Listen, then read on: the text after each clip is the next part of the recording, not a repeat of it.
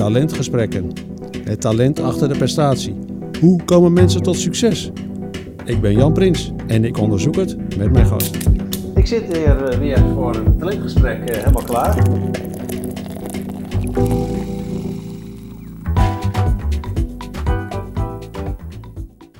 Uh, als je kijkt, China's toetreding tot de Wereldhandelsorganisatie is echt een toonbeeld van westerse overmoed geweest. Uh, uh, het Westen heeft, we hebben allemaal verkeerde assumpties voor democratisering.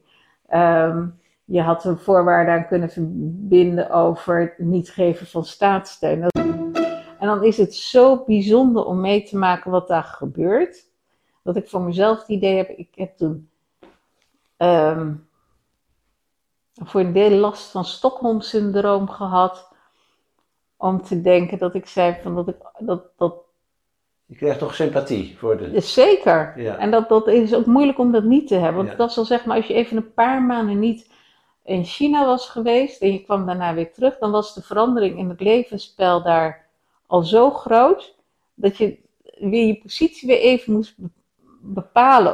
Nou, ik heb niet zozeer de neiging om eh, verantwoordelijk te voelen voor huishoudelijke taken. Dus als mensen op bezoek komen, niet. Ehm, maar voor de grotere dingen voel ik dat wel. Ja. Ik zou het plezierig vinden als mensen een stuk lezen en dat meenemen in een besluitvorming. Ja. En ik sluit het niet uit dat dat wel gebeurt. Maar eh, Maar dat is wel wat je motiveert eigenlijk. Dat, is- dat is wel waarom je dit doet. Nou, het is natuurlijk uiteindelijk wel de reden waarom je ehm, dingen, ehm, waarom je schrijft. Ja, omdat het niet in het belang van mannen is om alle macht af te, eh, te delen met vrouwen. Dus als vrouwen al bij voorbaat eh, zeg maar niet de ambitie hebben om de top te bereiken, ja, dan, dan maakt het voor mannen wel heel erg makkelijk. Ja, ik vind dus echt dat dat- vrouwen maar dat was eigenlijk jouw call. Jouw, jouw belangrijkste call, denk ik. Dat je zei: nee, dat is niet de schuld van de man. Hè. Je moet als vrouw moet je ook die ambitie durven uitspreken. Ja. toen ik in de hoop, hè, dat ik echt bekendheid kreeg door mijn eh, eh, mening over vrouwen, dat die maar eens wat harder aan het werk moesten gaan. Ja. Dat eh, werd me erg nagedragen. Dat, Ja. ehm, Nestbevuiling. Hè, misschien dat vrouwen daar zo naar kijken. ja, dat vonden ze zeker. Ja. Absoluut. Er zijn vrouwen die vinden dat van nature zij bij de kinderorde te zijn. Ik ben van de eh, van mening dat mannen en vrouwen eh, van nature eigenlijk weinig van elkaar verschillen. Dat er het grootste verschil tussen mannen en vrouw, dat dat nurture is, dat dat onze opvoeding is. Het is ook, en ik geef ook instructies. En ook, ik, stuur ook wel eens een nou, dan even kijken, maar eh, ik heb ook een stem. nou, ik wil niet zeggen, dit is geen leuk grapje, maar ik heb een stem als een kampbewaarder. Ja, ja. dus als ik in de boot zit, dan ben ik ook heel goed verstaanbaar voor iedereen.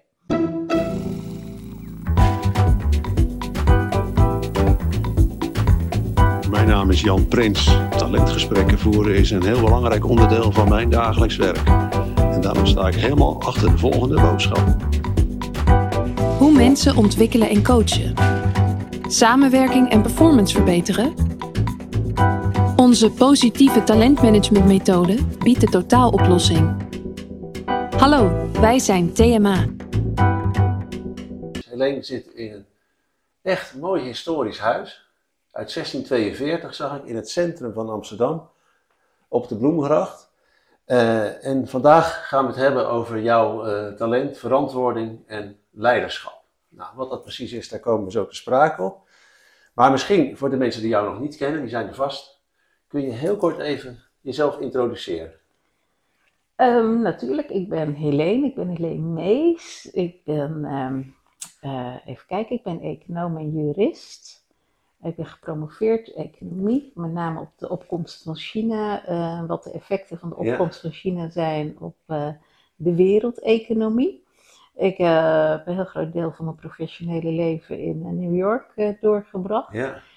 Maar jou, je hebt ook, jij bent gepromoveerd op China, hè? Ja, En de thesis van, jou, van jouw promotie is dat het toch eigenlijk allemaal de schuld van China is. Als ik het even heel populair. Nou, de schuld klinkt heel slecht, want dat zit ook een soort morele verantwoordelijkheid, eh hè, dat zit daar aan vast. En dat is het niet. Eh, maar het is wel eh, dat China's opkomst, hè, de toevoeging van de, hè, China's uh, toetreding tot de Wereldhandelsorganisatie in 2001, dat dat de oorzaak is van de financiële crisis en de economische malaise die we eigenlijk hebben gehad in de eerste 20 jaar van, dit, uh, van deze eeuw. En dat was omdat China begon al die Amerikaanse staatsobligaties, begon Amerika eigenlijk ja, te kopen. Ja, dat, dat, dat, verhaal is ietsje complexer. Uh, doordat China toetrad tot, tot de Wereldhandelsorganisatie kwamen er opeens een miljard uh, Chinezen bij op de arbeidsmarkt. Nou, opeens dankzij technologisering was tegelijkertijd kwam eigenlijk, speelde India een rol. Daar hebben we in Nederland wat minder van gemerkt, omdat uh, de Indiërs nou helemaal geen Nederlands spreken. Maar met name in Amerika zie je dat enorm, hè? dat al die uh, callcenters werden allemaal uitbesteed. Uh, naar India, omdat die uh, Indiërs perfect Engels spreken. En later werd het ook Sri Lanka.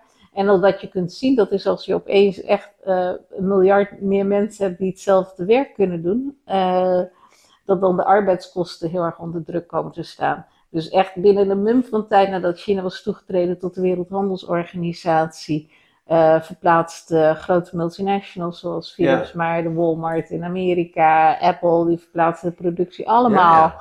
Dus je zegt eigenlijk die toetreding, dat was een soort license uh, voor, to operate voor China. En waar dan al die bedrijven daar dachten, nou nu kunnen we de gerust naar China gaan. Ja, binnen nood, ja, niet, maar ook zonder tarieven. Hè, dat het ook voordelig, nog wel wat tarieven, maar niet meer uh, voordat China was toegetreden tot de Wereldhandelsorganisatie. Was het heel moeilijk om uh, producten uh, te exporteren van China naar het Westen. En dat werd daardoor een stuk makkelijker. Ja, en als je daar nu op terugkijkt, uh, was dat misschien onverstandig? Of hadden we China misschien, als econoom vraag ik het nu eigenlijk, misschien niet.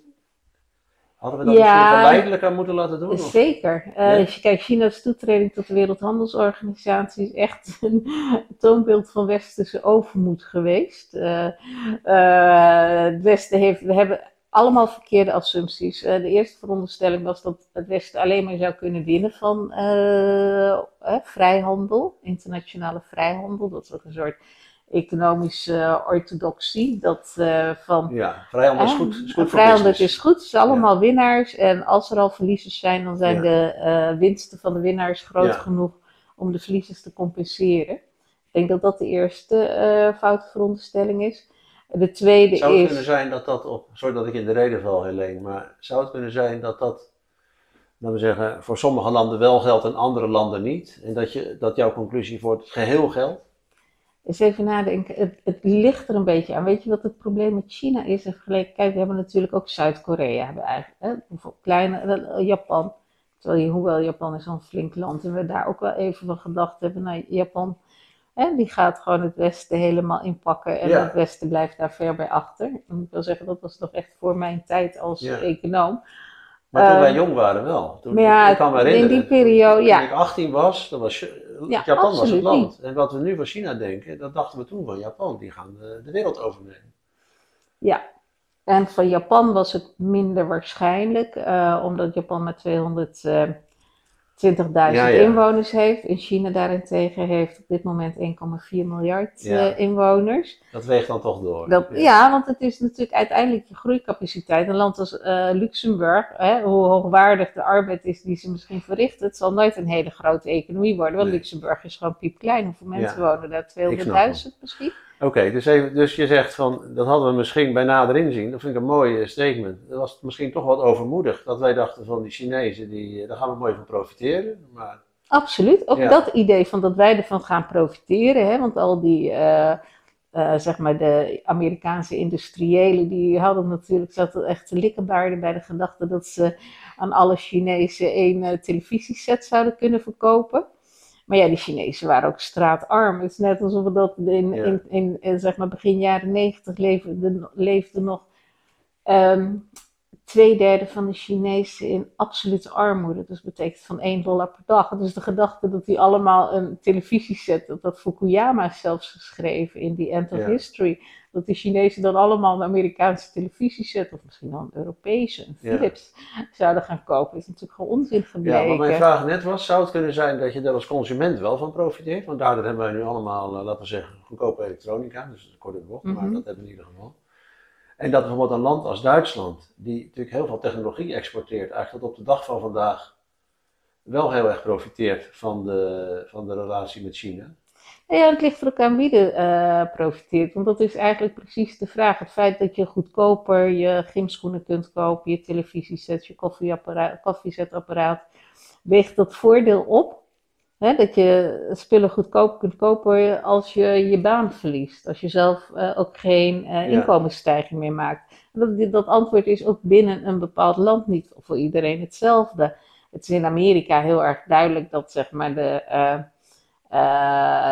de aandeelhouders van de grote bedrijven, de multinationals, zeg maar de global elite, ja. Uh, die zijn heel erg rijk geworden, want die maakten mega winsten. Ze, konden met heel, ze konden hun producten tegen derde wereldlonen ja. Uh, produceren en ze tegen eerste wereldprijzen verkopen. Dus je ziet dat die winsten enorm zijn gestegen, terwijl de um, terwijl in, in, in, westen, in het Westen, zowel in Europa als en vooral in Amerika, de lonen enorm onder druk zijn komen te staan. En het is niet zo geweest, zeker niet in Amerika, dat de winnaars van globalisering de verliezers hebben gecompenseerd. Op geen enkele manier. Bedrijven zijn steeds minder winstbelasting gaan betalen. Ja, oké. Dus jij zegt eigenlijk van uh, die toetreding van China. De vraag is of dat, of dat, nou ja, ook omdat we er vanuit... is geweest. Maar in jouw proefschrift zeg je van, dat is eigenlijk nog een ander effect we hebben ook een hele crisis over ons heen gekregen. Argeloze mensen, ik ben geen econoom zoals jij, maar ik lees wel de krant. En dan denk ik van, ik heb toch in de krant gelezen dat het te maken had met de Amerikaanse rommelhypotheken. En laten we zeggen, de wijze waarop de financiële experts, uh, laten we zeggen, hun, hun, financiële producten verpakten. Maar jij zegt nee, dat is, ja, dat, is meer een symptoom dan, uh, dan, dan de oorzaak. Absoluut. De oorzaak zit in China. De oors ja, in China, uh, vooral de toetreding van China tot de Wereldhandelsorganisatie dat heeft voor een deel geleid tot hele hoge winsten en hele hoge uh, uh, buitenlandse reserves in China, die China inderdaad allemaal heeft geïnvesteerd uh, in Amerikaanse staatsobligaties, waardoor daar de rente enorm daalde. Uh, het heeft er ook toe geleid dat de overwinsten die westerse bedrijven maakten, uh, uh, die werden ook allemaal geïnvesteerd, zoals een Apple of zo, die echt van die uh, hele grote cashpiles had. Hè? Hele, hele bergen met geld. Dat, dat hadden ze natuurlijk niet ergens in een kluis liggen. Dat werd ook allemaal geïnvesteerd in uh, staatsobligaties. Dus dat is nog steeds het gevolg van de toetreding van China tot de ja, Wereldhandelsorganisatie. Omdat China overwinsten kon maken, maar niet alleen China, ook Walmart, alle grote multinationals en alle overwinsten die ze maakten, voor zover ze die niet, hè, de, de, investeringen bleven op hetzelfde niveau, terwijl ze veel hogere winsten maken. En het verschil daarin, dat werd allemaal belegd ook in staatsobligaties. Dus die twee effecten samen, dus wereldwijd zag je de winsten erg toenemen. Dat gebeurde en in China. En in China belegt het allemaal in Amerikaanse staatsobligaties, maar westerse bedrijven deden dat ook, omdat dat ja. altijd als de meest zekere okay, dus investering... Zijn, zeggen, in, in, als je in een land bekijkt, zijn, ik kan het niet op landniveau zeggen, maar in landen zijn er dan bedrijven die daar ook enorm van geprofiteerd hebben. Westerse ja. landen, de Big Five, Absoluut.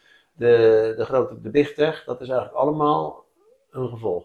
Maar wie zijn dan de verliezers? Want er zijn natuurlijk een uh, miljard Chinezen onderweg om uh, welvaart te krijgen. Nou, dat, die behoren echt tot de winnaars. Ja, absoluut. Als, als uh, laten we zeggen, dat, daar kun je toch die mensen gunnen. Hè? absoluut, dat is het belangrijkste. Echt, ja. Dus die mensen hebben gewonnen. wij, wij hebben, de consumenten hebben goedkope spulletjes. Nou, een paar bedrijven zijn er dan heel rijk van geworden. Maar waar zitten dan de verliezers? de arbeiders, de arbeidende klasse, de lagere middenklasse. Uh, dus maar dat gaat om grote telefoontjes gekregen. Jawel, maar als je je baan kwijtraakt, dan heb je niet zo goedkope telefoontjes. En als jouw uh, lonen, als de lonen stagneren of in uh, reële termen zelfs gewoon ja. dalen, um, dan heb je de Oké, okay, dus het heeft ervoor gezorgd dat, laten we zeggen, de welvaart die geconcentreerd was in het Westen, eigenlijk nu meer Absoluut, veel meer verdeeld is, veel meer globaal. En wat vind jij daar als Helene van? Even niet als econoom? Um, ik, als Helene vind ik ervan dat het, uh, uh, nou, echt het belangrijkste uh, gebeurtenis, denk ik, is van mijn lifetime. Dat, dat, dat in een paar decennia zoveel mensen uit armoede zijn gekomen. Als je alleen al naar China kijkt, waar dan hè, begin jaren negentig nog uh, twee op de drie Chinezen in diepe armoede leefden. Weet je wat het percentage van Chinezen is dat nu nog in diepe armoede leeft? Nou, die is zo groot. Nou, hoeveel, welk percentage denk je nog ja, wel? dat zijn altijd goede vragen aan mij. Weet ik niet. Misschien 20% dat het nog slecht heeft? Nee, minder dan 1%. Minder dan 1%. Het is natuurlijk niet van, want dit gaat over 1 dollar per dag tegen lokale prijzen. Oh, dat is echt absolute Dat is wel armoede. Maar ja, als je bedenkt dat dat gedaald is van 67% begin jaren 90 naar minder dan 1% in 2015, dan is dat Ja. gewoon echt ongelooflijk. Ik Dus- zou eigenlijk zeggen, laten we dit voor Afrika ook doen. Maar dat doen de Chinezen al voor ons. Nou, de Chinezen zijn er een klein beetje mee bezig. Dus, eh, en ik denk dat je het eh, Chinezen beter kunt toevertrouwen dan eh, eh, ons Westelingen. Ja, dus eigenlijk de Chinezen die zorgen ervoor dat toch eigenlijk alle wereldproblemen min of meer eh, worden opgelost. Op een, ik zit een beetje te provoceren, hè, maar op een vreedzame manier. Absoluut. En dit is gewoon echt, eh, daarom is het ook wel ontstellend om te zien hoe nu de verhoudingen tussen eh, de Verenigde Staten en China uit de hand lopen.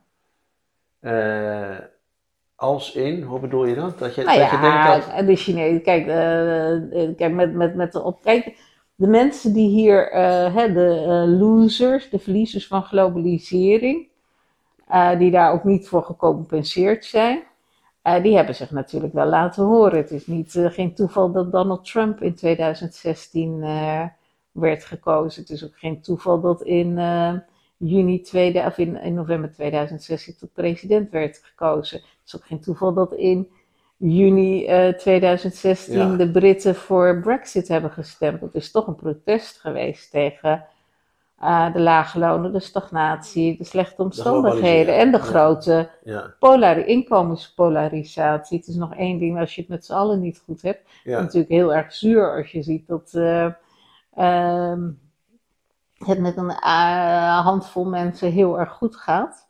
En dat die gewoon appartementen kunnen kopen, eh, penthouses van 100 miljoen dollar. Wat nu echt inmiddels ja, wat je eigenlijk zegt is, het heeft over de hele wereldschaal eh, gezien, heeft het, laten we zeggen, de rijkdom meer verdeeld.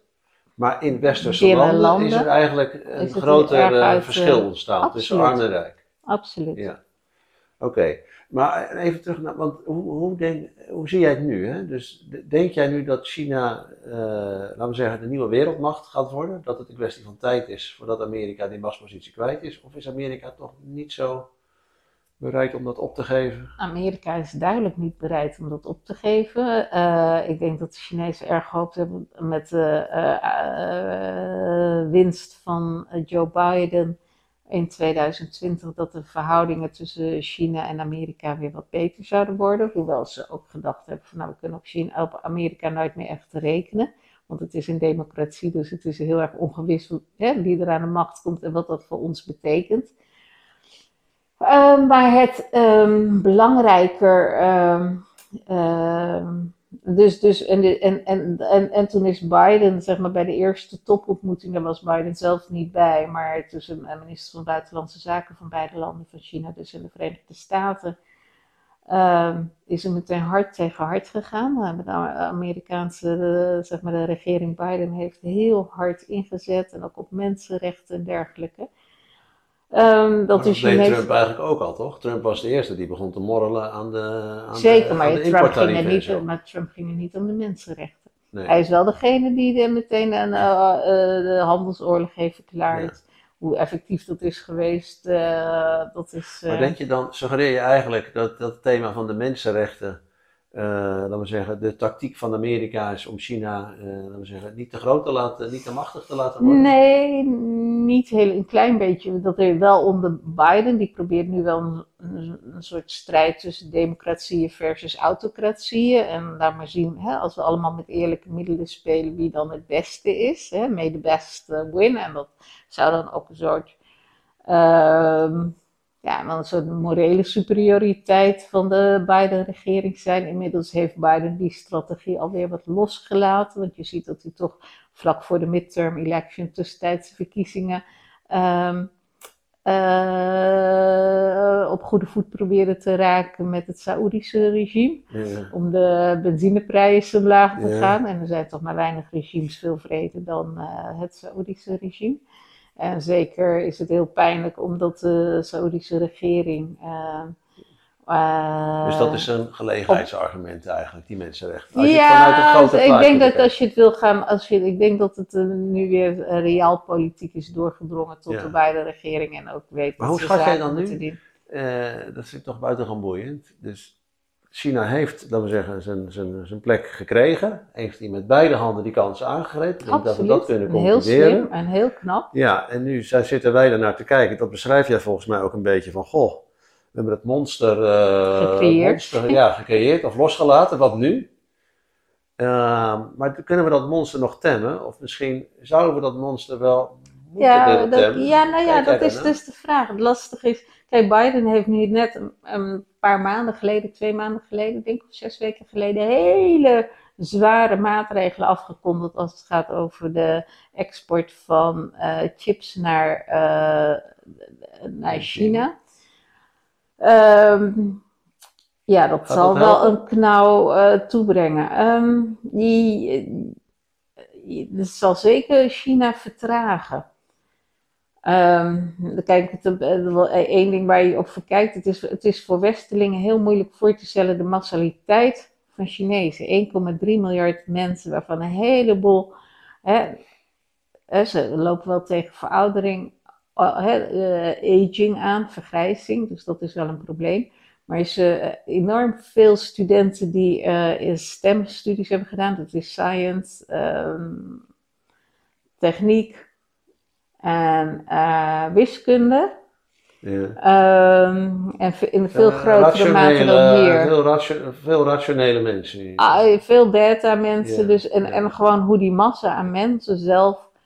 eh, dus, dus mijn gedachte, dus ik denk dat China dit te boven kan komen. Je ziet wel dat er nu bij China in één keer, daarom is, het, is dit ook zo'n spannend moment om dit gesprek met jou te hebben, is het dat gewoon er wel heel veel dingen tegen zitten. Xi Jinping heeft natuurlijk naar een totaal. Het, eh, China is ook veranderd. Onder eh, het eerdere leiderschap was het. eh, het was geen eh, democratie. Maar het was niet zo sterk autocratisch ingericht als het nu is. hè. Het is nu bijna dictatoriaal als je ziet. Ja, da- da- nou ja, met, ook met de bestrijding van de COVID-crisis. Dus het is nu een hele interessante tijd. Ik, ik, ik- ik- dus de toekomst van China zal wel eens eh, ja, make it or break it, maar dat, dat, dat we daar nu naar aan het kijken zijn of ze het wel gaan redden of niet. En dat zal Ja. voor een deel afhangen of zij zich gevangen blijven houden door eh, de pandemie, of dat ze daar toch een reactie op weten te verzinnen, waardoor toch de Chinese economie zich door kan Oké, ontwikkelen. mag ik eens twee scenario's met je doornemen? Stel, laten we één scenario. ehm, het gaat lukken. Laten we zeggen vanuit de Chinese bezien. De Ja. Chinezen Ze willen bij worden de economie eh, 2045. in ja. de wereld. En ze hebben Nou. ook de eh, grootste overmacht op eh, high-tech gebied. Ja. ja, dus in plaats van dat wij naar het, het westen kijken, gaan wij naar het oosten kijken. Ja. Voor, wat, wat zou dat voor ons betekenen? Kan je dat eens een, een- hoe zie jij dat voor je? Gaan, gaan wij daar dan op achteruit? Wordt dan, Zeker. Eh, dat, is, dat is denk ik. eh, tot nu toe heeft eh, denk de economische ontwikkeling van China zich nog redelijk geconformeerd aan standaard orthodoxie. Is in de zin dat er, hè, dat er met internationale handel zijn winnaars en verliezers, maar de winsten van de winnaars zijn altijd groot genoeg om de verliezers te compenseren. Hè, in het ja, zo is het meest geavanceerde land. Maar dat was met oorlog. Eh? Nu maar is dat- geen oorlog. Nu Nee, is nee, gewoon nee, eh, gaat, nee, nee, nee, het gaat over binnen, ja, gaat, dit gaat over economie. Is economische, eh, eh, hè, zeg maar, dat is de hele eh, ra- eh, ratio die onder eh, eh, internationale handel ligt. Ehm, maar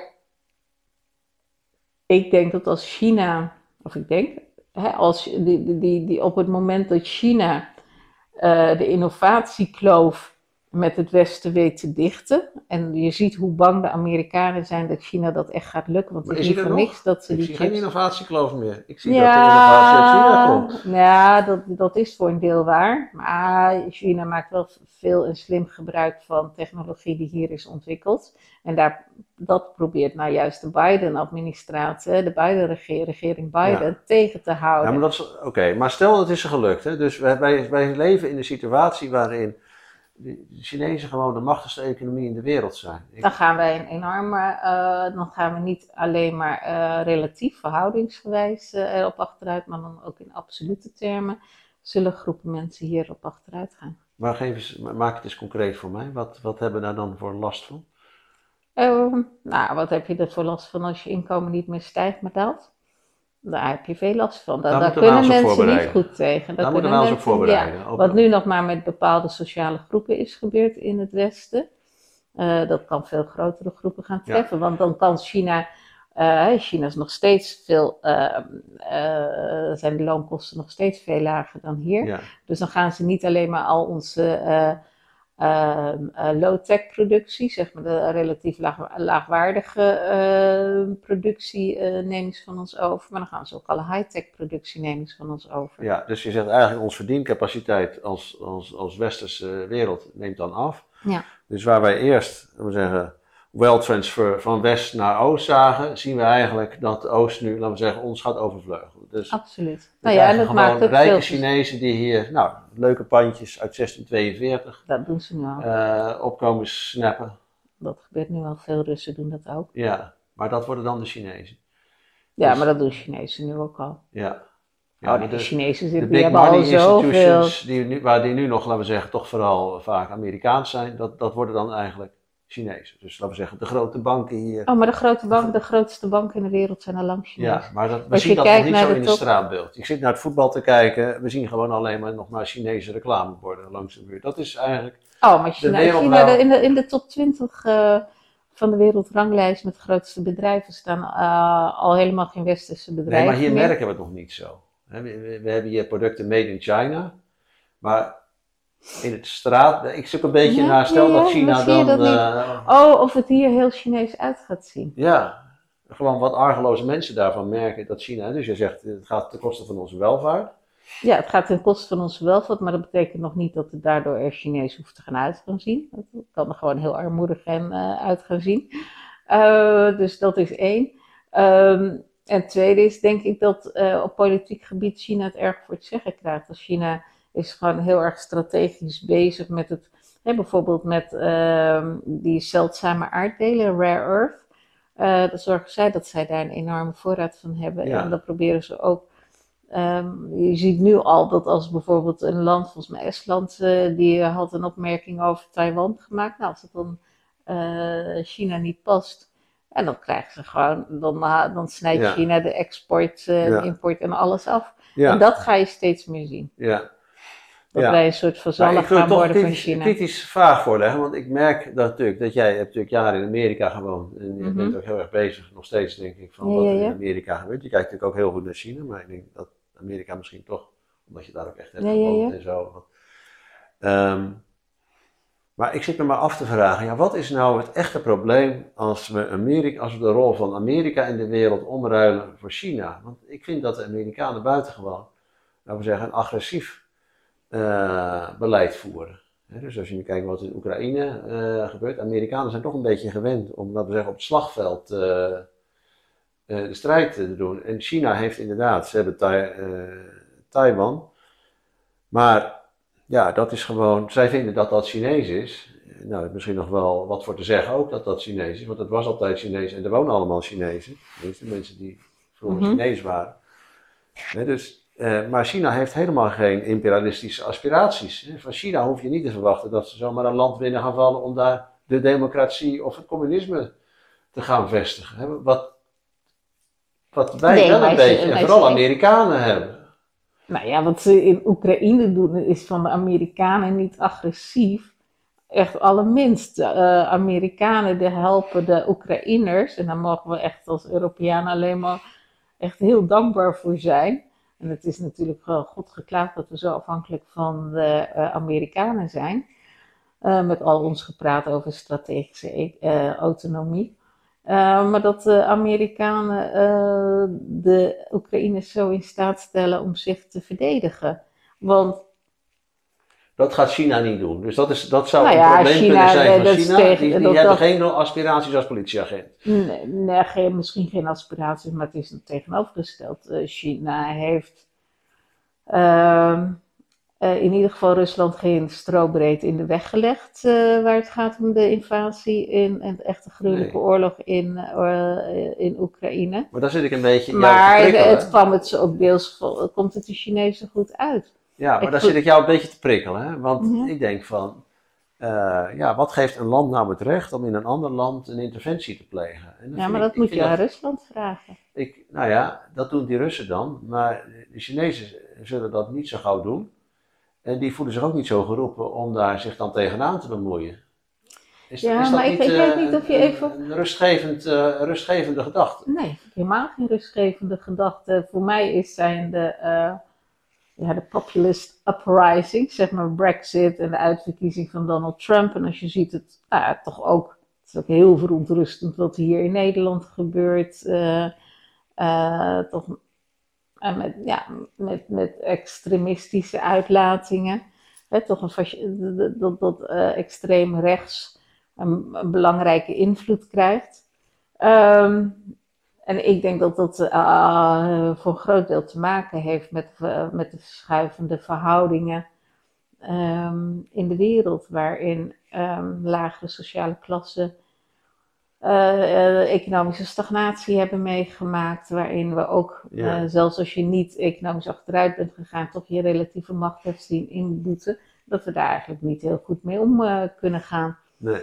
Uh, dus ik vind dat heel zorgwekkend. Ja, dat maakt het niet uit dus, of dus je hier Chinese is, banken ziet. Eigenlijk heel alleen, wij moeten de opkoppers van China, dat moeten we niet leidzaam uh, gaan zitten bekijken.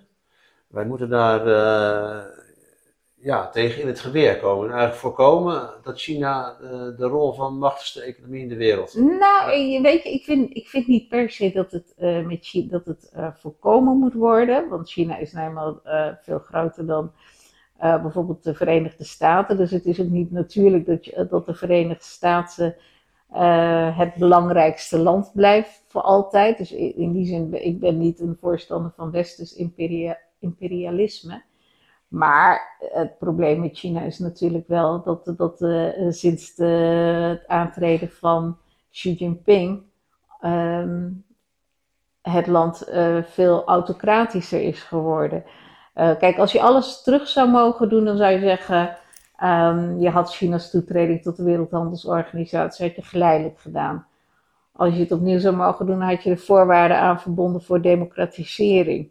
Um, je had er voorwaarden aan kunnen verbinden over het niet geven van staatssteun. Dan zit dat officieel wel in de regels van de uh, ja, WTO. Ja, ja, maar die worden niet uh, nageleefd op die manier. Als je bijvoorbeeld ziet het plan van China om Ehm, de, de, de belangrijkste, belangrijkste land te worden als het gaat om productie van high-tech. En dan of het nou over artificial intelligence gaat of andere uh, vormen van high-tech. En dan wordt er heel erg veel uh, staatssteun voor gebruikt. Um, ja, en daar dat had je meer aan banden willen leggen voordat China zo uh, Ze hebben een klein beetje vals gespeeld ook. In Zeker, en dat doen de Amerikanen ook. Silicon Valley is voor een groot deel met defensiegeld uh, tot stand gekomen. Ja. Uh, maar China doet er nog eens, doet er nog eens een schep okay, bovenop. Maar wat gebeurd is, is gebeurd. Wat, wat zouden we nu nog moeten doen? Wat is jouw idee? Wat zou jij nou, laten we zeggen, onze leiders en, en de grote leiders in andere landen aanraden om, om daarmee zouden we dat nou het beste kunnen kanaliseren, die opkomst van China? En dan denk ik dat uh, uh, Xi Jinping het niet aandurft om uh, Taiwan, om daar een oorlog over te riskeren.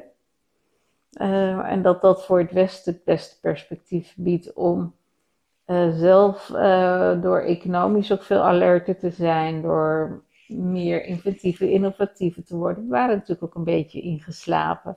en ingedut. En dat we nu eh, toch zien dat we veel meer beter ons best moeten doen Ja. om mee te komen. En dat zie je Ja. dat dat zelfs nu in dat het Europa... Chinezen werken gewoon hard, denk ik altijd maar. Zeker. Dat is, dat is een heel groot verschil. Nou, en ze zijn veel, eh, veel in- innovatiever, veel meer gedreven.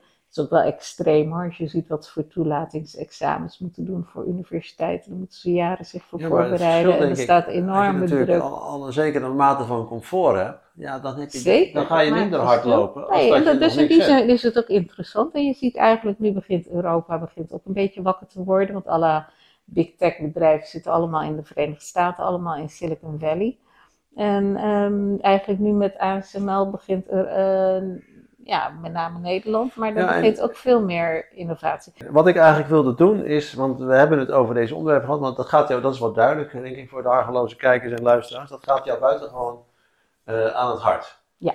Jij, jij, ik weet niet of, hoe je dat zelf ervaart, maar je, hoe je dat zelf voelt, maar mijn indruk is dat jij ook heel erg verantwoordelijk bijna voelt voor, voor het wel en wee in de wereld en de beslissingen die er worden genomen.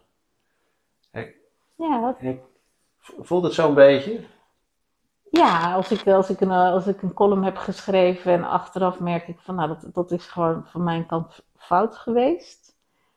Ehm, Wat bedoel je fout geweest? Nou, dat, dat ik het toch niet bij het rechte eind had. Oh. Bijvoorbeeld toen ik begon met columns schrijven, was ik heel erg ehm, ehm, was, ik, was ik veel meer waarschuwen voor de opkomst van China. Ehm, en ik denk dat al die waarschuwingen, dat ik daar heel erg mee eh, eh, bij het rechte eind heb gehad. Over de macht van China en dat we daar veel beducht voor moesten zijn. En ook eh, het, het, de innovatieve talent en over die, hè, dat als het zou lukken om de innovatiekloof te dichten. Ehm, en toen ben ik zelf ging, een jaar ook in China gaan ehm, wonen. Ik ging erop promoveren op het onderwerp. Ik heb zelf, ben vaak, heel vaak naar China gereisd. En dan is het zo bijzonder om mee te maken wat daar gebeurt. Dat ik voor mezelf het idee heb, ik heb toen ehm, voor een deel last van Stockholm-syndroom gehad. Om te denken dat ik zei van dat ik dat, dat Je krijgt toch sympathie voor de... zeker. Ja. En dat, dat is ook moeilijk om dat niet te hebben. Want Ja. dat is al zeg maar, als je even een paar maanden niet in China was geweest en je kwam daarna weer terug, dan was de verandering in het levensspel daar al zo groot dat je weer je positie weer even moest be- bepalen. Ook hoe je met mensen omging Ja, en ja. dergelijke. Maar voelde je dan ook dat je dacht, be- begon je dan ook een beetje verantwoordelijk te voelen voor de Chinezen? Zeker. Ja. Dus wat, je, wat je eerst eigenlijk meer had voor de, misschien voor de voor, de, Amerikanen. voor de bescherming van de westerse eh, levensstandaard. Ehm, maar ik moet wel zeggen dat Xi Jinping in zijn autocratische neigingen veel verder is gegaan dan ik had kunnen denken. Ja, dat snap ik ook. ja. Hé, want je kunt voelde- daarvoor, kun je nog, ja? Ik wil even over, hoe, hoe voelde dat voor, jou, voor jouzelf? Want eh, is dat ook wat je zeggen, herkent als je gewoon dan zeggen, naar de kleine dingen van het leven kijkt? Dat je de neiging hebt om je gauw verantwoordelijk te voelen voor, weet ik niet, bijvoorbeeld als, als er iets kleins is of als er mensen op bezoek komen of als er eh, met vrienden. Ehm, nou, ik heb niet zozeer de neiging om eh, verantwoordelijk te voelen voor huishoudelijke taken. Dus als mensen op bezoek komen, niet. Ehm, maar voor de grotere dingen voel ik dat wel. En hoe voel je dat? Moet ik loslaten of, of delegeren bijvoorbeeld? Nee, de- eh, graag eh, een hand willen hebben in de uitkomst. Daar voel ik het in. Dus ik vind het niet erg om, om dingen met elkaar te delen of iets. Dat helemaal niet. Ja. En verantwoordelijkheden te delen. Als, maar ik vind het wel belangrijk dat het dingen worden. ehm, Nee, wat je zegt. je opgelost in een manier waar- op een manier waarvan ik denk dit is de manier het waarop het opgelost moet worden. En is dat dan dat je denkt, als ik het aan anderen overlaat, dan gaat het misschien toch mis? Nee, dat ik denk van ze zien het niet goed. Ze zien het niet goed. Je denkt dat jij het beter ziet. Nou ja, in ieder geval dat ik. Ik ga Ik kan me dat soms goed niet voorstellen, over. want je bent ga een zo- buitengewoon begaafde, eh, goed ontwikkelde intellectuele vrouw. Dus jij, Dus het gaat me niet zozeer om of.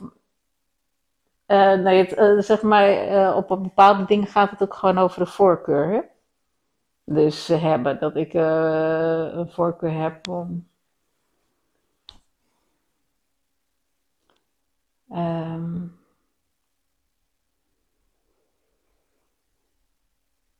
Eens kijken. Eh, Ik, ik, heb, wel- ik heb een heleboel dingen een idee hoe het eruit moet zien. En dat kan dus over de kleine dingen. Bijvoorbeeld bij eh, de roeivereniging. Daar is een, eh, een, een, een, een roeiteam waar ik heel erg blij ben dat ik daar niet in zit.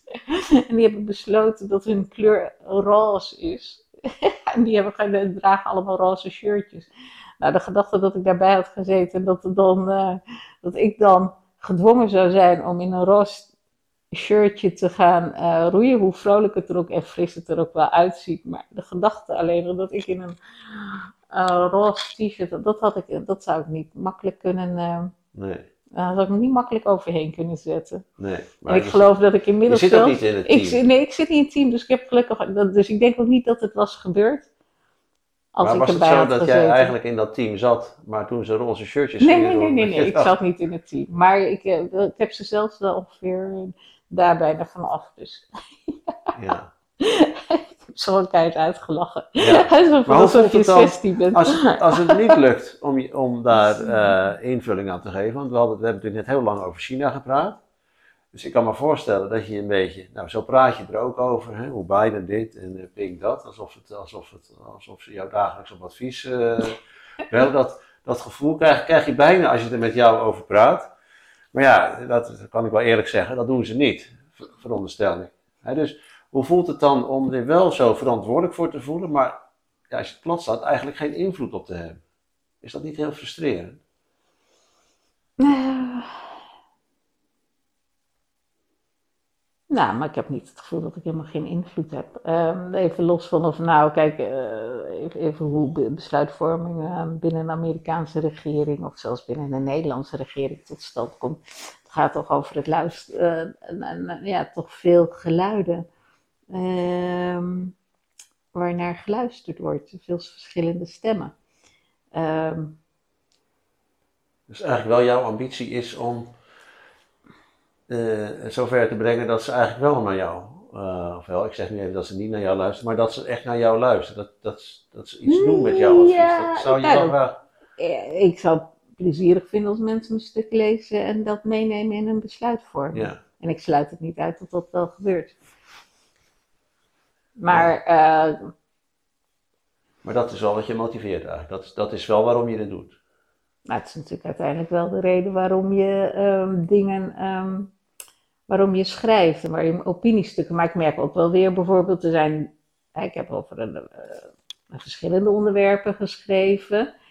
Ehm, ik kan het ook wel loslaten. Bijvoorbeeld, ik vind het belangrijk dat vrouwen eh, hun best doen, hè, carrières willen maken en dergelijke. Maar look, als vrouwen in Nederland dat allemaal niet willen, ja, uiteindelijk. Op Hè, er, het ja. houdt gewoon op. Eh, Dat is wel een thema wat jij op de kaart hebt gezet. Hè? Zeker. En ehm, het- ik moet ook zeggen, er gebeurt veel. Hè? Op dat, eh, de wereld ziet er toch heel anders uit dan toen ik opgroeide. Ehm, Voelt dat goed? Want dat, jij bent toch volgens mij... ja, maar even, los van, eh, het is meer in Amerika, maar dat, dat, dat is ook natuurlijk voor een deel mijn wake-up call geweest. Want toen ik naar Brussel ging en naar, eh, later naar New York, dat vrouwen daar heel andere posities innamen dan in Nederland. Dat heeft mij dus destijds ook wel echt geïnspireerd. Eh, maar zelfs vergeleken met het New York van toen, als je nu ziet de Nancy Pelosi, we hebben een, eh, vrouwelijke centrale bankdirecteur gehad, we hebben, een vrouwelijk, we hebben nu een vrouw in Nederland als minister van Financiën, in Amerika is minister van Financiën een vrouw. Een centrale bankdirecteur hier is een vrouw, dus je ziet dan toch hele andere andere verhoudingen, eh, vrouwen in andere posities. Dus dat doet mij buiten, uh, buitengemeen veel plezier. Ja, en jouw punt was volgens mij ook dat vrouwen daar ook zelf een verantwoordelijkheid in Zeker. moesten nemen. Hè? Ja, omdat het niet in het belang van mannen is om alle macht af te, uh, te delen met vrouwen. Dus als vrouwen al bijvoorbeeld uh, zeg maar niet de ambitie hebben om de top te bereiken, ja, dan, dan maakt het voor mannen wel heel erg makkelijk. En Ja, ik dus echt dat maar dat... was eigenlijk jouw call, jouw, jouw belangrijkste call, denk ik. Dat je zei, nee, dat is niet de schuld van de man. Hè. Je moet als vrouw moet je ook die ambitie durven uitspreken. Ja, en, nou en ja, er hebben. zit- en je moest ook gewoon hard ja. werken, hè? want Ja. je, kan, het niet cadeau als je Nee. de top wil bereiken. Maar de structuur, weet je, dat, dat, ik- de reden waarom ik ook echt vrouwen aansprak, is ook even los van dat er echt wel ehm, mechanismen zijn waardoor mannen mannen blijven benoemen en dat het voor vrouwen moeilijk is om, om door te dringen tot de top, is dat het niet in het belang is van mannen om die structuren op te heffen. En dat je dus, om, om, om iets te veranderen, moet je wel vrouwen aanspreken dat zij hun best moeten doen. En zij, Ja. die, ja, Maar was jij vanuit dat perspectief ook voorstander van die quotering die er uiteindelijk is Ja, gekomen? daar hebben we destijds ook aan meege... Hebben, dat, dat, dat heb ik echt ook op de kaart gezet door... We hebben toen eh, een NGO opgericht. Daar was ik eh, ja, de founder, maar ook eh, voorzitter van. En eh, daarmee ehm, hebben we dat echt geagendeerd. Eerst ging het om streefcijfers, die zijn toen ingevoerd. Toen hebben we ons als NGO opgeheven. Ja, Ik denk dat Nederland in die tijd, zo rond 2000, hè, eh, als het tien jaar geleden nog niet helemaal toe was aan harde quota. En toen die streefcijfers eigenlijk niet zo goed bleken te werken, want ja, er moest wel gerapporteerd worden, maar worden, maar dan deden de eh, bedrijven niet zo heel erg eh, hun best voor. Of ze zeiden, ja, we hebben gekeken of een vrouw konden, we konden niet vinden, dus we hebben toch maar een man. En nu eh, is dat opgevolgd met harde quota. ja, en dat moest ook eigenlijk. Hè, zon- Zonder die quota. Ja, kijk, uiteindelijk denk ik niet dat dat de. Het, het lost het hele probleem van genderongelijkheid in bedrijven. En, en het gebrek aan kansen voor vrouwen lost het niet helemaal op. Maar het is in ieder geval weer een begin. Snap je? Het is weer een, een stukje waarmee. ehm, en je hoopt natuurlijk dat de vrouwen die in eh, de raden van commissarissen komen ook zorgen dat er gewoon, gewoon Ja. vrouwen in bedrijven goede kansen krijgen. Maar ja, zo zal het toch wel werken. Nou, ik hoop het. Ja. Ik steek mijn hand niet voor het. Hoe, hoe, kun je, hoe komt het nou dat jij degene bent geweest die daar als eerste mee is gekomen? Ah, ehm, ik denk dat wel eh verschil is geweest dat ik... Ah, ik ben zo opgevoed. Hè. Mijn ouders werkten allebei, vier, eh, allebei 40 uur. Ehm, mijn ouders waren heel gelijk aan elkaar. Het was niet evident dat mijn vader degene was die thuis eh, het meer voor het zeggen had. Ehm, en toen ik opgroeide, en, ik ging er eigenlijk vanuit, dus ik wist wel dat, dat toen ik jong was, was ik een sleutelkind en was ik een uitzondering. Eh, dat, dat zag ik wel, maar ik had gewoon het idee, nee, mijn ouders zijn heel progressief en straks doet iedereen het zoals wij het doen. Dus ik ging er eigenlijk vanuit dat al mijn vrienden en vriendinnen hun leven op dezelfde manier zouden inrichten. Niet zoals hun ouders, maar zoals mijn ouders. Ja. En toen ik 25 tot, ja, of meer dan misschien 30 was, toen merkte ik, begonnen vriendinnen van mij echt af te haken. En ik ging Die juist in die periode, ja, en ik ja, ging in die periode ja. naar, eerst naar Brussel toe, waar ik allemaal vrouwelijke directeuren zag. Nou, die had ik op het ministerie van Financiën, waar ik ervoor werkte, eh, niet gezien. En ik ging vervolgens naar New York toe. Toen dacht ik, nou, Nederland, is gewoon- we denken over onszelf als een heel progressief land, maar we zijn super achterlijk. Ja. Dus het was aan de ene kant de inspiratie. Ja. Maar de doorvertaling van die inspiratie naar actie, eigenlijk, dat is natuurlijk wel. Hè, er zijn meer vrouwen voor jou in het buitenland geweest die dat ook hadden kunnen zien, maar die hebben er eh, Niks mee gedaan. Nee, aangenomen. ongelooflijk, hè? Ja. Nou, misschien, eh Helene, heeft het iets met jouw talent te maken. Who knows? Mag ik jou eens een, eh, ja, daar komt hij. Mag ik jou eens iets, een stukje voorlezen? Want je hebt natuurlijk zo'n eh, zo'n bekende talentanalyse gedaan. Natuurlijk. Ja, en ehm, wat, wat, het, eh, dus, daar is uitgekomen dat jij dus heel hoog scoort op verantwoording en leiderschap.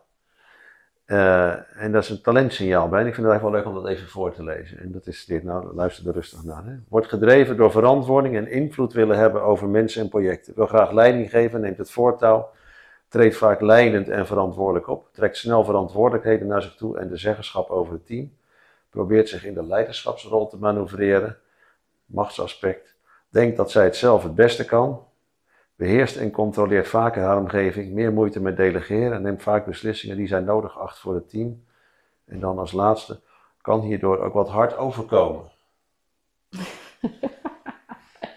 Ja, dat zal ongetwijfeld. Dat laatste. Ja? Ervaar je dat wel eens, dat mensen dat tegen je zeggen?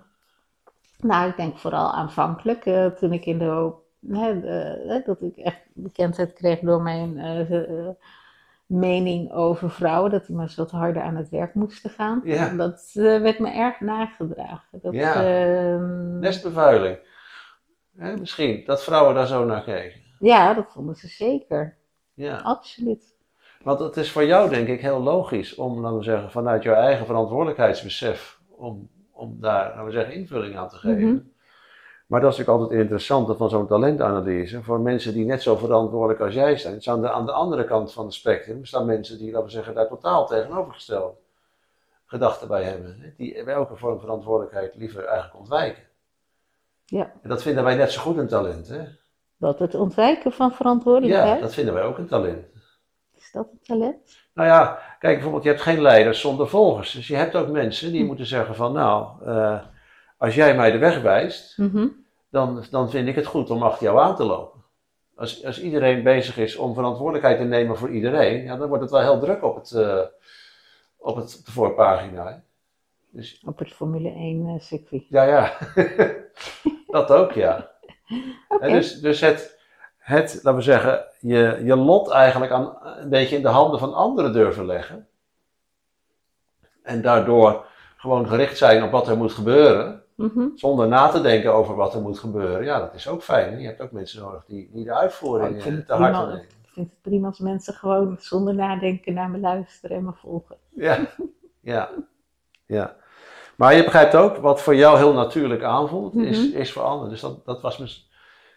Ik kan me voorstellen dat dat lastig is, want je denkt, ja, ik doe toch mijn best voor jullie en dan krijg ik die tegenwind. Eh, nee, van ik doe toch mijn best voor jullie, dat gevoel heb ik niet zo. Dat, of, dat, ja, ik heb niet zo'n soort zoiets verongelijks, dat heb ik helemaal niet erin. Eh, ik heb wel na een paar jaar wel gewoon dat ik dacht, nou, nou heb ik die discussie lang genoeg gevoerd. Ja, Ik werd zelfs vandaag nog gebeld door de televisie of ik vanavond niet nog bij op één. en dan over ouderschapsverlof. ik zei nou Amy, met plezier een keertje komen hoor. Maar eh, niet, ik kom niet om over ouderschapsverlof te praten. Eh Ja. Dat ik dan gewoon, weet je, op een gegeven moment dan, dan uiteindelijk... Er zijn vrouwen die vinden dat van nature zij bij de kinderorde te zijn. Ik ben van de eh, van mening dat mannen en vrouwen eh, van nature eigenlijk weinig van elkaar verschillen. Dat er het grootste verschil tussen mannen en vrouw, dat dat nurture is, dat dat onze opvoeding is. Ehm, en ehm, het feit alleen al dat vrouwen in andere landen hele andere keuzes maken dan vrouwen in Nederland. ja. Eh, en dat die dus wel topposities weten te bereiken, machtsposities.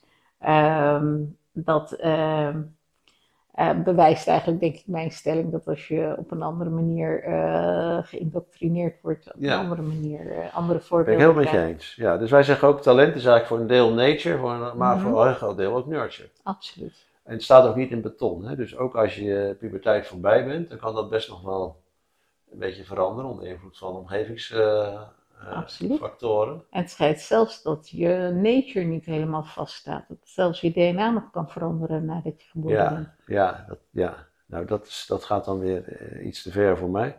Wat ik wel aardig vind wat jij zegt, dat er in de basis misschien helemaal geen verschil is tussen man en een vrouw. Als je naar, dat is wel interessant, dat zien wij dus ook. Dus wij meten al die talenten Ja. van mensen. En, eh, dus ja, je krijgt vragenlijsten en dan zoals je gedaan hebt met die dilemma's. En er komen dan, eh, dan scores uit. Maar wat wij doen met die scores is, die normeren we eigenlijk op, laten we zeggen, de gemiddelde Nederlander Mhm. die dit doet. En het boeiende is dan dat we eigenlijk geen verschil zien tussen mannen en vrouwen. Op het talentenniveau. Oh, wat dus op het, op het uitvoeringsniveau zie je, Wel, hè, maar jij dat is zegt, oh, er zitten meer mannen in leidinggevende posities dan vrouwen. Mhm. Maar het is niet zo dat de vrouwen, laten we zeggen, over het geheel gezien minder talent eh, hebben. Dat is eigenlijk min of meer gelijk verdeeld. Je ziet wel cultureel grote Heel verschillen. interessant. Ja. Ja. Cultureel zie je wel, we hebben het net heel lang over China gehad. Als wij, laten we zeggen, de gemiddelde Chinees zouden nemen, dan zou je wel andere scores krijgen. Ja, heb je daar voldoende, hebben jullie daar voldoende Nou, cijfermateriaal geef ik, met China geef ik dan weer een slecht voorbeeld. Eh, want in China zijn wij niet actief. Oké. Maar je zou je bijvoorbeeld kunnen voorstellen, nou, misschien wel grappig, zit nu even de plekken te verzinnen. Maar je ziet dat in China wel, laten we zeggen, eh, veel talent is voor volgzaamheid. Dus op het moment dat er een oekase uitkomt van de grote leider van we gaan die nu honderd dagen opsluiten, En dan zie je in de basis dat die mensen dat allemaal braaf eh, over zich heen laten komen. Dat is eigenlijk het voorbeeld wat ik net zei. Het is van dat- minder individualistisch in Ja. de zin dat niet iedereen voor zichzelf gaat bepalen. Ja, dus, dus er is bijvoorbeeld een ander talent dat daar meet, is, eh, is ontzag. Dat heeft heel erg te maken met, oké, in hoeverre is voor mij iedereen gelijk? Of als Mhm. iemand wat meer strepen heeft, of, Mhm. eh, of in, eh, laten we zeggen, een bepaalde plek op de ladder staat. Eh hoeverre telt dat mee in mijn overweging hoe ik die persoon tegemoet treed? Nou, je kunt je voorstellen dat dat een talent is wat in China weer juist heel sterk is ontwikkeld. Maar het talent voor, laten we zeggen, verantwoordelijkheid nemen, dat ze daar eerder kijken naar, ja, wat zeggen andere mensen? Hè? Wat, wat zeggen de... Dus we zouden bijvoorbeeld, dus Ja, je zou bijvoorbeeld hier met jouw score, jij hebt hier dus een extreem hoge score op die, Mhm. extreem, maar je zit bij de, laten we zeggen, de 4% van die 100 mensen die dus, laten we zeggen, het hoogste scoort op verantwoording en leiderschap. Even voor de kijker thuis. Eh, in deze kamer hebben we 100% op die score. Want ik heb daar zelf ook eh, Mhm. eh, last van, ook wel eens. Want je voelt je gauw verantwoordelijk. Maar het is toch geen last? Nou, eh, je kan ook wel, wat ik zelf ervaar, is dat het soms moeilijk is om dingen los te laten. Dus je, soms eh, dan gebeuren er dingen Ja. in de wereld, hè, daar hebben we het net heel lang over gehad. In de wereld gebeuren allerlei dingen. Ja. Maar uiteindelijk marcheert die wereld door, eh, ook met of zonder jouw mening daarover. Dus misschien dat mensen jouw stukken lezen en jouw adviezen te harte nemen. Ehm, maar je hebt ook wel eens dat dat niet gebeurt. En dan kan je best wel daar last van. Ik, ik heb bijvoorbeeld, nou oké, situatie met mijn kinderen. Mijn kinderen, ik heb twee dochters en die zie ik eigenlijk eh, nog maar heel weinig. De, de verantwoordelijkheid voor de opvoeding ligt bij de moeder. Dus niet mijn wens, maar het is wel de realiteit. En ik heb heel veel moeite mee, oh, nou, ik spreek nu een beetje in verleden tijd, ik heb heel veel moeite gehad om dat los te laten, want ik voel me verantwoordelijk voor mijn kinderen. Ja, Maar ik kon daar geen kinderen lijkt me ook van een andere orde. Dat, dat, ehm, ja. Maar ken jij dat niet? Dat je denkt van, ik, ik zou graag willen, nou, bijvoorbeeld het roeiteam, een heel simpel voorbeeld. Maar jij vindt het belachelijk dat ze in roze shirts, tenminste ik denk dat je het belachelijk vindt dat ze in roze shirts gaan varen. En toch moet je dat accepteren. Ja, omdat het, het, is, het is niet mijn team, dus dan kan ik er wel om lachen. Ja, Zolang ik het maar niet hoef te doen, dan... Nee. eh, maar als het nou iets waar je eigenlijk wel nou, als het verantwoordelijkheid dan... voor voelt, of betrokkenheid, Ja, maar als het mijn team hebt. was geweest, Ja, dan, dan, dan denk ik niet dat me bij die uitkomst had neergelegd. Dat had ik lastig gevonden. Dat geef ik toe. ja, Dat is niet zo verder. ja. Dus je hebt wel eens de neiging, ik heb dat dan wat ik zelf zei, je hebt dan de neiging om je met dingen te bemoeien. En soms wordt jouw bemoeienis gewoon helemaal niet op prijs gesteld. Misschien dat een aantal van die vrouwen die jij zo nodig eh, vooruit wilde eh, schoppen in de vaart der volken, dat die wel eh, relaxed erbij zaten met hun theekrantje. Nou ja, en maar dat is dus een voorbeeld waar ik wel hoofdschuddend naar kijk. als vrouwen en die ambitie niet hebben en het belang er niet van zien en doen als. Maar dat is niet iets waar ik dan uiteindelijk nog wakker van lig. Dan trek ik toch mijn eigen plan en kijk ik naar. Ook ben, ben wel goed in om te. Eh, ja, maar op te trekken, maar ook met te laven aan dingen waar het wel goed gaat. Kijk nou eens naar al die mooie vrouwen die eh, premier zijn in landen als, nou, Finland, eh, Ja. Estland, eh, noem het maar op. En allemaal van die leuke, mooie jonge vrouwen, daar kijk ik toch met echt heel veel plezier naar. Ja. Eh, is dat voor jezelf ook niet een, nog misschien een ambitie die je zou hebben? Om, laten we zeggen, van. Ehm, ja, je hebt weer een wetenschappelijke benadering, denk ik nu. En, en, en, je, en je weet waar het heen moet, maar je bent eigenlijk niet verantwoordelijk voor dat het ook die kant op gaat.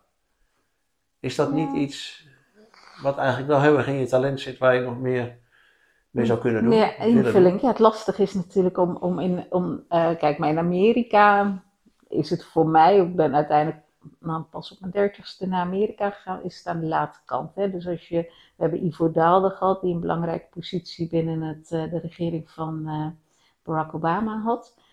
Ehm, hij was ehm, afgezant, ambassadeur van de NAVO, hè, namens eh regering Oba- Obama. Ehm, maar hij, hij, hij heeft gewoon helemaal gestudeerd in de Verenigde Staten. Dus hij is daar vrij snel naartoe gegaan. Eh, het feit dat ik eh, dat niet heb gedaan, zijn, maakt mijn kansen politiek in Amerika veel kleiner. Ehm, en in Nederland, ja, dus dat, dat vraagt voor mij dat ik hier eh, ben. Ik ben ook wel al politiek actief geweest. Ehm, maar ik vind het nu heel lastig en daarmee, dat, dat neemt mezelf wel kwalijk.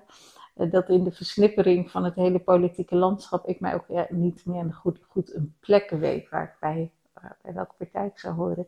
En een belangrijke manier om natuurlijk gezag, uh, om, zeg maar verantwoordelijkheid te krijgen in Nederland is. Een hoop handwerk. Door je, is, is, ja, is door gewoon bij een politieke. Uh, door een, bij een politieke uh, partij, partij aan, te sluiten. Aan te sluiten. En, ik moet heel even, ik heb mijn telefoon gehad en dat is heel erg af, ja. af, afleidend. Ja, maar hij is al gestopt. Oh ja. Zo'n lastig probleem zeg vanzelf. Maar je zou ook, uh, laten we zeggen, leiding kunnen, of misschien invulling geven aan dat talent wat je hebt, uh, misschien ook in het bedrijf? Of, of is dat dan weer te, te plat? Ja, te plat, maar... Nee, dat, dat, dat, nee ja, dus, dus... Nou, dat betekent, ik heb, ik heb nu toch altijd, ik heb een redelijk vrije rol gehad. Ik vind het ook erg leuk. Uh, ik geef les uh, aan uh, NYU. En ik wilde kijken, in Nederland ben ik in gesprek met UvA.